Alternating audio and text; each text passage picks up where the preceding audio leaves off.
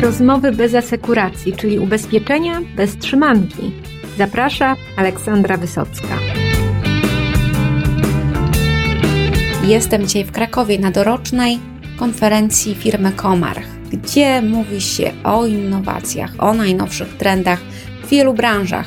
Są tu też ubezpieczenia, ale nie tylko. Jest branża medyczna, administracja publiczna, przemysł, handel i nie tylko. Można zobaczyć też na zupełnie nowej strefie wystawowej, strefie innowacji, konkretne wdrożenia i przykłady, jak takie technologie mogą działać. Tutaj też mocne wątki ubezpieczeniowe. Z moimi gośćmi dzisiaj porozmawiam właśnie o tym, jak technologia zmienia świat, jakie są kluczowe trendy, no i co koniecznie powinno znaleźć się w budżetach ubezpieczycieli na 2020 rok. Posłuchajcie. Tomek Jędroszkowiak, Business Unit Insurance. Showroom, który, który tutaj zbudowaliśmy, jest przede wszystkim po to, żeby pokazać, co dzisiaj technologia może dla nas zmienić, dlaczego może nam się żyć lepiej, dlaczego możemy korzystać z auta w, w niecodzienny sposób, zupełnie w taki, który myślę nikt z nas nawet e, nie myślał jeszcze kilka lat temu.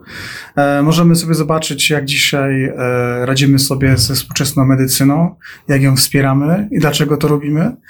To jest miejsce, w którym można zobaczyć, jak nasze życie będzie wyglądało za kilka, kilka lat.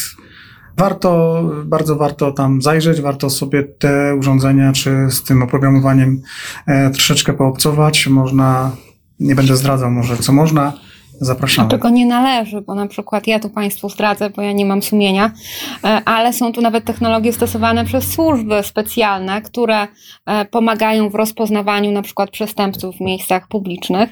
E, więc, no cóż, nawet, nawet tego typu rzeczy, no ale też wiele technologii, które może się przydać jak najbardziej nam ubezpieczeniowcom i to i w majątku, jeżeli chodzi o likwidację szkód, czy w branży życiowo-zdrowotnej, jeżeli chodzi, nie wiem, o monitoring stanu zdrowia. E, no i pobieranie e, danych, które potem być może się przekują w jakąś lepszą taryfę. Zobaczymy, e, gdzie to będzie zmierzać, albo uratują życie naszym chorym bliskim. Bo i takie technologie tutaj są dostępne. Tak, potwierdzam. Dzień dobry, Kazimierz Cięciak, dyrektor konsultingu sektora zdrowie. E, w tym naszym Centrum Innowacji e, pokazujemy różne rozwiązania, które już wdrażamy w medycynie od kilku lat i takie, które e, no, zaczynamy wdrażać. Telediagnostykę, rozwiązania z zakresu możliwości monitorowania pacjenta na odległość, możliwość zbierania parametrów i przeprowadzania takiego szybkiego screeningu zdrowotnego, no i tutaj właśnie ukłon w stronę branży ubezpieczeniowej, na przykład przy zawieraniu polis. To są rozwiązania, które wypracowujemy wspólnie z innymi sektorami. My mamy swoją, jak się to ładnie mówi, ekspertyzę w zakresie zdrowia. Natomiast korzystając z tego, że w naszej firmie e, mamy ponad siedem sektorów, e, dołączamy e, różne rozwiązania, budujemy wspólnie gotowe produkty i rozwiązania dla naszych klientów. Ja nie chcę stresować ubezpieczycieli, ale drodzy Państwo, pod względem technologicznym już niektóre małe gminy w Polsce Was wyprzedzają, ponieważ one już wdrażają opaski życia i ratują życie swoim starszym mieszkańcom, a ubezpieczyciele jakby tak troszkę nieśmiało do tematu podchodzą. Y, no, to jest pytanie y, do ubezpieczycieli. To znaczy tak, na pewno gminy z racji zadań statutowych, które mają obowiązek organizować, dodatkowo z, uwagi na otrzymywane finansowanie ze środków zewnętrznych, unijnych w zakresie na przykład teleopieki, rzeczywiście są tutaj liderami. Natomiast liczymy E, na to, że te rozwiązania, które w długim okresie czasu pozwalają nie tylko zabezpieczyć e, no, klienta, czy mówimy o pacjencie, czy mówimy o kliencie, użytkowniku, ale budować długotrwałe relacje z firmami, to są takie rozwiązania, które e, będą również interesujące dla wielu branż, w tym dla branży ubezpieczeniowej. No i tutaj pomagają nam tego typu zjawiska, które jak demografia na przykład, że wszyscy się starzejemy i diagnostyka no, będzie coraz bardziej powszechna, no ale z drugiej strony lekarzy nam nie przybywa, wręcz jest dramatyczny e, ich brak. No i taki zdalny lekarz okazuje się, że może teraz dzięki zmianom w prawie wystawić receptę również zdalnie. No i to jest dużym, prawdę mówiąc, z tego co obserwujemy, impulsem dla telemedycyny. No już nie mówiąc tym, że taka telekonsultacja jest po prostu tańsza i z punktu widzenia ubezpieczyciela również, jeżeli w pewnych mniej istotnych przypadkach można e, pomóc e, zdalnie, no to czemu nie? I jak to dokładnie funkcjonuje? Działa to w bardzo prosty sposób. To znaczy, przede wszystkim e, opieramy te nasze rozwiązania nie tylko e, na właśnie możliwości odbyciu e, wideokonsultacji w zabezpieczony sposób, gdzie cały przebieg rozmowy no, jest bezpieczny dla obydwu stron, ale dodajemy jeszcze coś więcej, dlatego że zawsze problemem w momencie kontaktu lekarz-pacjent jest brak informacji o historii medycznej. W naszych rozwiązaniach zdrowotnych Komarch budujemy całą historię wiedzy e, o stanie zdrowia. Rozwiązanie takie jak internetowa książeczka zdrowia, gdzie pacjent już teraz, mimo braku E, działających rozwiązań centralnych może e, umieścić całą swoją dokumentację medyczną, całą swoją historię i dzielić się z lekarzem, który nawet nie korzysta z naszych rozwiązań, to z naszego punktu widzenia są to takie e, rozwiązania, które pozwalają oszczędzić mnóstwo pieniędzy, mnóstwo organizacyjnych kłopotów, no i poprawić efektywność działań każdego uczestnika tego systemu. No u nas się dzieje nie wiem, czy dużo, czy mało, to panowie by musieli powiedzieć pod względem innowacji w branży ubezpieczeniowej, ale są rynki, no, gdzie dzieje się naprawdę bardzo, bardzo dużo. No i tutaj musimy daleko, daleko spojrzeć na wschód, gdzie zdolni Chińczycy już nas chyba wyprzedzili o 50 tysięcy mil morskich. To jest trudne pewnie do, takiego, do takiej oceny, natomiast z pewnością możemy, e, możemy zaobserwować, że w tej chwili wszystkie oczy, czy to w Stanach, czy to w Europie są skierowane na, na Chiny i, i na te kraje, które tam bardzo dużo pieniędzy poświęcają na rozwój, e, szczególnie w, w, w rozumianych jako sztuczna inteligencja, jako wspieranie procesów. I te platformy mają takie dwie, trzy cechy, które warto sobie dzisiaj uświadomić, bo pewnie my to skopiujemy tym razem od nich, a nie oni od nas. Mianowicie pierwsza sprawa jest taka, że to jest bardzo wszystko mm, zautomatyzowane. Ta automatyzacja polega na tym, że oni inwestowali już od początku lat e, gdzieś e, po milenium i e, mają bardzo dobre zbiory danych, dużo danych, dzięki temu mogą uczyć swoje algorytmy, mogą je automatyzować.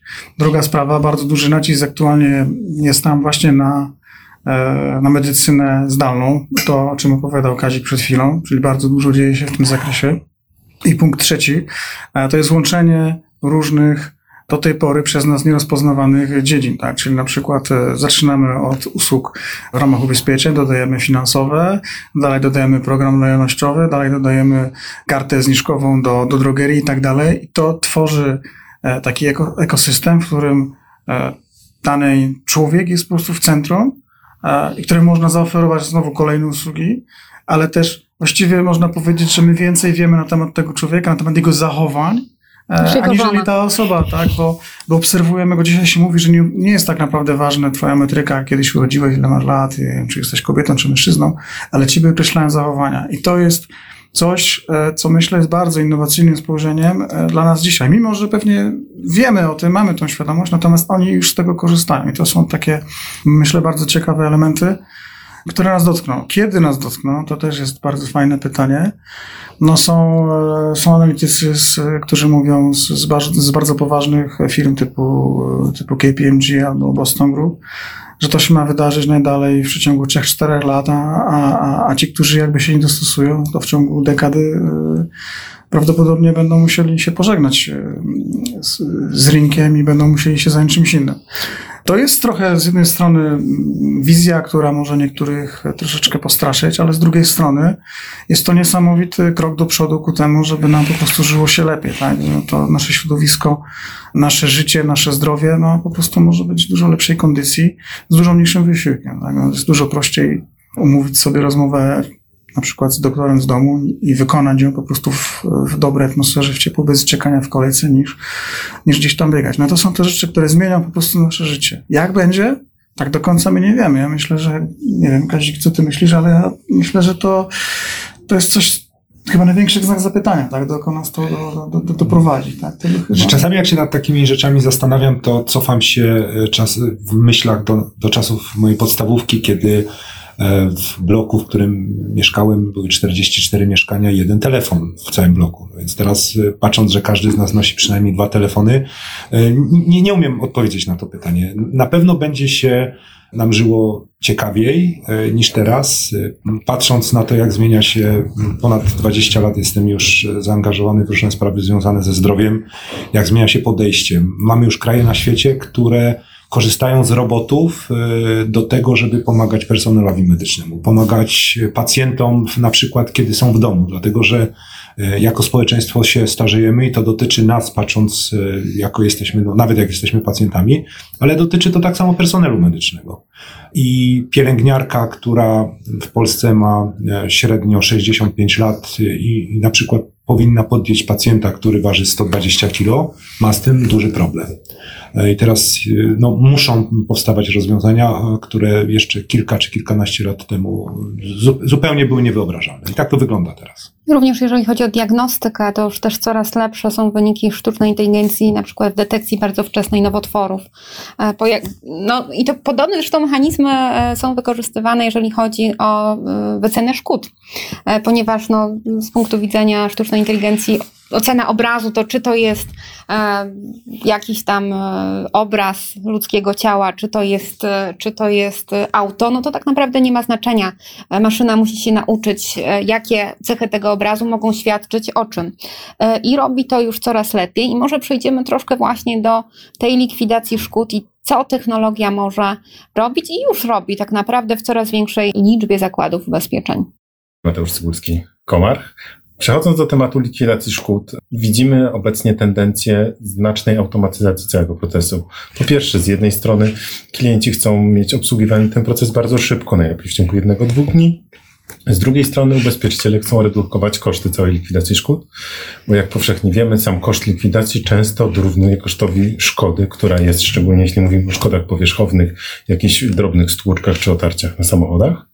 Obecnie technologia pozwala na rozpoznawanie większości szkód e, przez e, systemy, które wspierane są technologiami AI-owymi oraz likwidować te szkody praktycznie automatycznie bez udziału człowieka. I taka tendencja będzie postępować na rynku, zresztą w wielu innych obszarach likwidacji szkód, bo nie mówimy tu tylko o likwidacji szkód komunikacyjnych, ale również na przykład o likwidacji szkód majątkowych w domach, w mieszkaniach, gdzie całe oględziny, całe, całe sprawdzenie tego, co zostało uszkodzone oraz e, przeprowadzenie pierwszej wyceny mogą wykonywać algorytmy, a nie ludzie, nie konsultanci, co drastycznie skraca nam jakby cały proces, bo maszyny pracują 24 godziny na dobę i również nie kolejkują się tak jak e, likwidatorzy, którzy muszą przyjechać na miejsce, zrobić oględziny i, i przedstawić kosztorysy. No i mamy też te takie pośrednie rozwiązania, gdzie mamy likwidatora siedzącego za monitorem, który za pośrednictwem na przykład smartfona e, klienta poszkodowanego obserwuje. I tak samo jest w telemedycynie, że część robią roboty, część robią e, algorytmy, a część robi gdzieś rzeczywiście fizyczny lekarz, tylko który nie musi być w tym samym pomieszczeniu.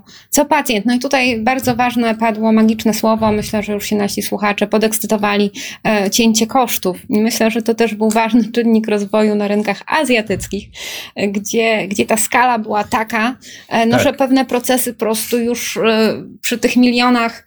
E, znaczy musimy pamiętać cały czas, że w Polsce zazwyczaj służby służby, które likwidują, czy agenci, którzy sprzedają w sieciach własnych, czy w sieciach współpracujących. Mówimy tu o kilku, maksymalnie kilkunastu tysiącach osób. Jeśli mówimy o Azji, mówimy tam o kilkuset tysiącach do nawet miliona agentów dla jednego ubezpieczyciela. To marzenie więc... zarazem, ale chyba i klątwa mogłaby być.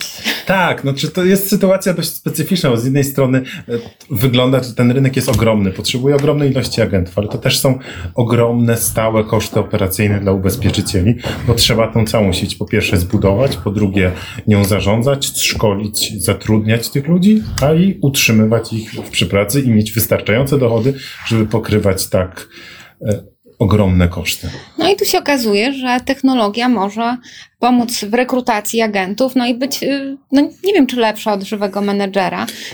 Jak to wygląda? To jest, to jest, to jest dobre pytanie, ale też jest bardzo konkretna odpowiedź.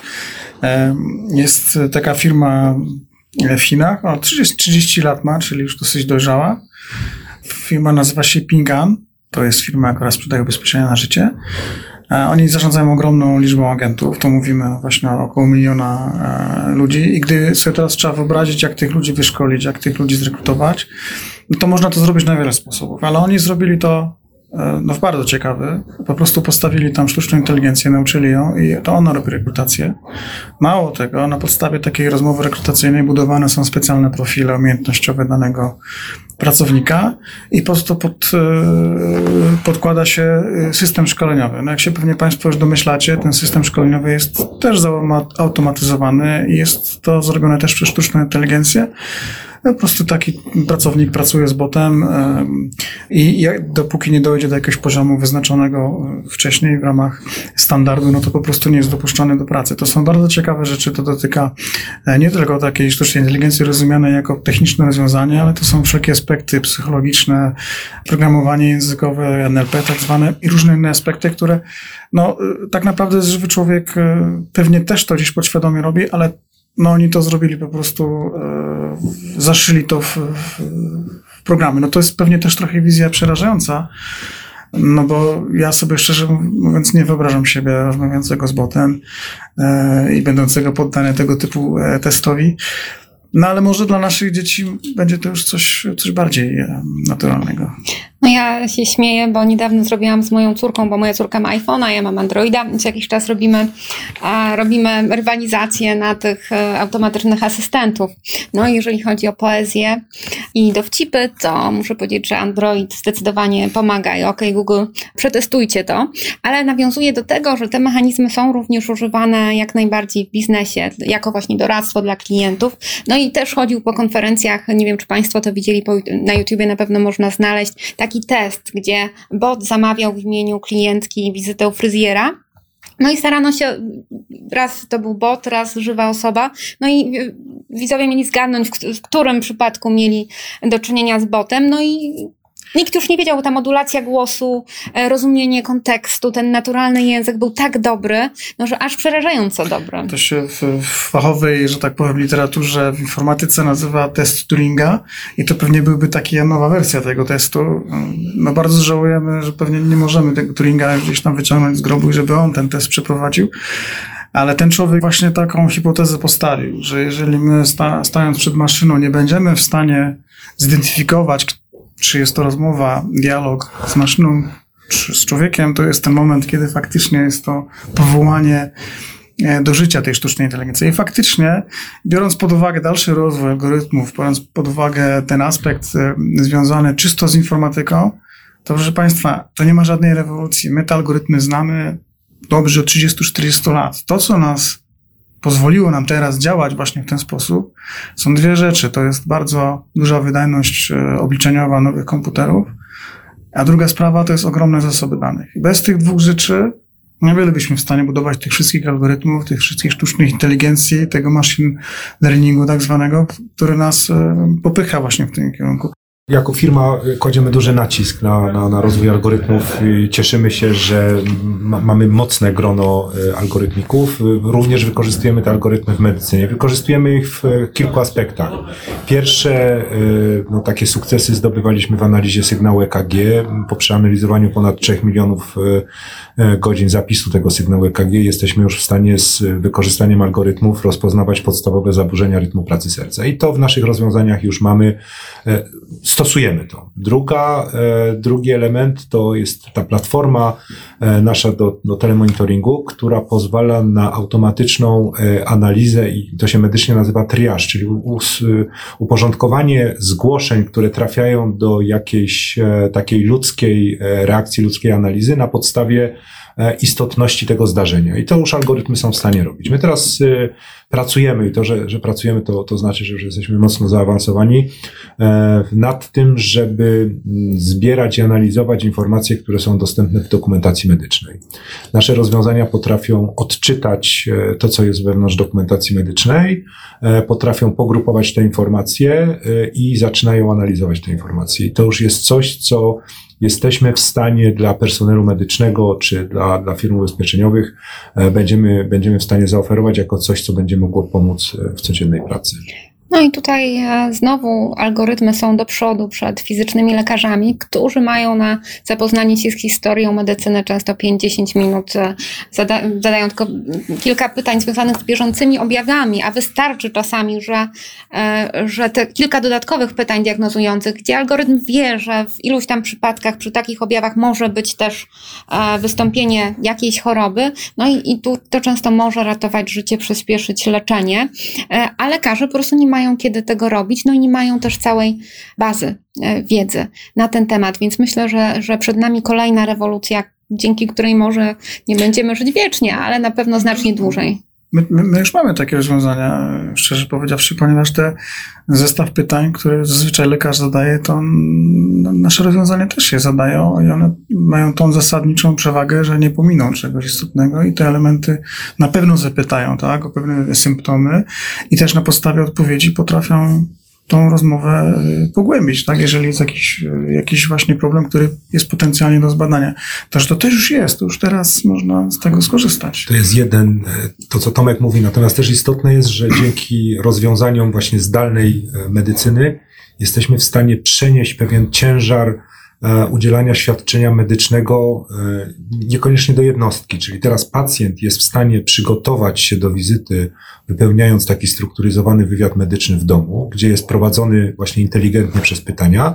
E, I później ten czas, który jest w gabinecie lekarskim, można spożytkować na kontakt e, no, taki ludzki. Właśnie trend teraz, e, jak gdyby analizy na rynku światowej medycyny są takie, że e, powinno, powinniśmy dążyć do współpracy pomiędzy mocą obliczeniową i umiejętnościami sztucznej inteligencji i pomiędzy tą empatią, której przynajmniej na razie lekarz jest lepszy niż sztuczna inteligencja. I ta symbioza i to podejście również w naszych rozwiązaniach no, prezentujemy i oferujemy, to jest to, co, co, co jest no, takim bardzo mocnym e, akcentem we współczesnej medycynie. Tak, wykorzystujemy po prostu silne strony zarówno człowieka, jak i obecnej technologii, bo jedno i drugie jest niezbędne e, w procesie, na obecnym etapie, bo pamiętajmy, że technologia jest w stanie nam pomóc w wielu obszarach, gdzie wymagane są obliczenia, ale no nie zastąpi empatii, nie zastąpi człowieka. Zawsze. No to taki optymistyczny byłby akcent na koniec, ale ja bym chciała jeszcze troszkę konkretów od panów. E, mianowicie, czego możemy się nauczyć od tych najbardziej rozwiniętych technologicznie rynków? I jeżeli byśmy mieli w przyszłym roku, my, my jako ubezpieczyciele, e, wyłącznie na przykład trzema, e, trzema innowacjami się zająć w naszych biznesach, to, to gdzie powinniśmy zwrócić tą uwagę, korzystając właśnie z, z doświadczeń, e, dajmy na to Chińczyków? Na pewno na pierwszym miejscu trzeba postawić e, ubezpieczenia medyczne. To jest coś, co jest absolutnie na pierwszym miejscu. Tam ten biznes rozwija się najszybciej, tam jest najwięcej, najwięcej do, do zrobienia. E, I wydaje się też właśnie z tego punktu widzenia e, człowieka w tym, w tym wszystkim, no niesamowicie, niesamowicie ważne. Tak? I ze względów społecznych, o których tutaj wcześniej była mowa, ale też po prostu z, z takiego powodu, że jakby no, nie mamy specjalnie ucieczki od tego. Tak? Nasze społeczeństwa są w tej chwili, jeśli się popatrzy, porozgląda po świecie, są bardzo podobne. Tak? Nie ma czegoś takiego jak drugi, trzeci świat. Wszędzie jest internet, wszędzie są te same narzędzia, wszędzie są e, tak zwane internety i to powoduje, że bez względu na miejsce zamieszkania żyjemy wszyscy bardzo podobnie. I to też powoduje, że nasze wymagania są wszędzie też bardzo podobne. Żeby to wszystko udźwignąć, to jest jedyne wyjście właśnie poprzez rozwiązania zaawansowane, zautomatyzowane e, w tym przypadku healthcare'owe. Także to by było na pierwszym miejscu, mi się wydaje. Natomiast trzeba sobie zdać sprawę, żeby to miało realnie możliwości, to trzeba zbudować, jak ja to mówię, fundamenty e, takiego świata cyfrowego. Tym największym fundamentem to jest zbieranie danych. Ja już wcześniej o tym mówiłem, to nie tylko chodzi o dane typu płeć, wiek, ale tak zwane behawioralne. to jest drugi fundament. I trzeci to jest po prostu automatyzacja wszędzie, gdzie, gdzie to tylko ma sens, wszędzie, gdzie te mm, prace dla człowieka są nużące, powtarzalne. Z tego można zacząć. Bardzo skomplikowane, o których e, Kazik mówił, gdzie jest wymagana niesamowita wiedza z wielu dziedzin, głęboka, jak medycyna, czy tak jak w likwidacji szkód, e, można, można się wtedy posługiwać E, takimi gotowcami. Więc takie trzy bym tutaj wyróżnił. Naj, najważniejsze i najbardziej istotne, przełamujące te, te, te biznesowe, mm, bym powiedział, patrzenie na świat. Tak? Bo my trzeba zapomnieć o tych, o tych modelach biznesowych, których znamy dzisiaj. One po prostu muszą być inne i one będą inne i warto i oby inne były zacząć. u nas tak jest. najpierw. Też bym sobie tego życzył. Tak, do- no i to mamy dwa punkty. tak. No to punkt trzeci, panowie tutaj Z patrzą. punktu widzenia zdrowia to są takie terminy, które odmawia się w, na każdym spotkaniu i przez wszystkie przypadki, ale to jest przede wszystkim świadomość pacjenta, e, edukacja tego pacjenta, opieka koordynowana i personalizowana. Czyli my jako osoby powinniśmy być świadome naszego zdrowia, powinniśmy być wyedukowani, powinniśmy e, działać e, no, profilaktycznie. Wtedy e, będziemy mieli możliwość życia dłużej i bardziej szczęśliwie. No, ubezpieczyciele będą płacić mniej odszkodowań za nagłe Tak. zachorowanie, e, śmierć e, czy inne rzeczy, których oni nie chcą płacić, ale my nie chcemy ich doświadczać, więc myślę, że tu interes jest jak najbardziej wspólny, żebyśmy żyli zdrowiej. Tego, Tak. tego równania. Tak. E, No i myślę, że można dodać, że, że tym pacjentem też jest też klient, że takie mamy pa- pacjentocentryzm, ale mamy też klientocentryzm, że to się przesuwa w stronę jego doświadczeń i cały ten ekosystem ubezpieczeniowy to tak naprawdę już nie jest taka pijawka, która ma jak najwięcej tej składki pobrać. Nie może być, tylko to ma być coś, co da jak najwięcej Tutaj wartości. Tomek wspominał wcześniej e, o tym właśnie aspekcie łączenia bardzo różnych dziedzin, gdzie naokoło klienta buduje się jakby cały ekosystem i, i, i ta część medyczna jest jedną z, z ważnych części. Znaczy w Chinach nie udałoby się to, cały ten proces przejścia i budowy tego ekosystemu bez właśnie dodania części medycznej, która dla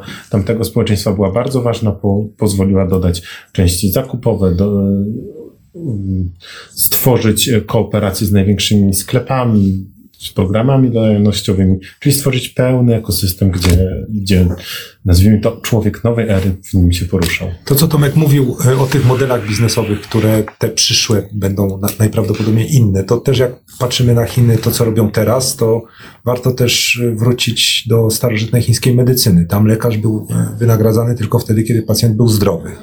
E, My teraz cały system ochrony zdrowia wynagradzamy za to, że świadczy usługi medyczne, czyli zmiana tego paradygmatu, e, pacjent jest zdrowy, dostajesz pieniądze, ma wielki sens. No tylko to, to jest e, długa droga przed nami. No ale ta długa droga to w dzisiejszych czasach często się bardzo skraca, e, bo pojawiają się koszty, bo pojawiają się konkurenci e, i wtedy musimy tą filozofię po prostu wdrażać szybciej. Czego Państwu życzę, żeby ten e, następny rok, bo już się tak naprawdę zbliża i to budżetowanie, planowanie trwa, na digitalizacji w tym roku nie oszczędzajcie.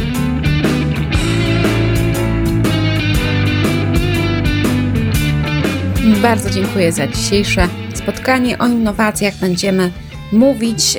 Jednym z tematów, który pojawi się tej jesieni, są już konkretne wdrożenia u polskiego ubezpieczyciela z zastosowaniem ekonomii behawioralnej w sprzedaży ubezpieczeń, ale o tym już niedługo. Więcej szczegółów na razie musi pozostać tajemnicą. Dziękuję jeszcze raz. Do usłyszenia w kolejny wtorek.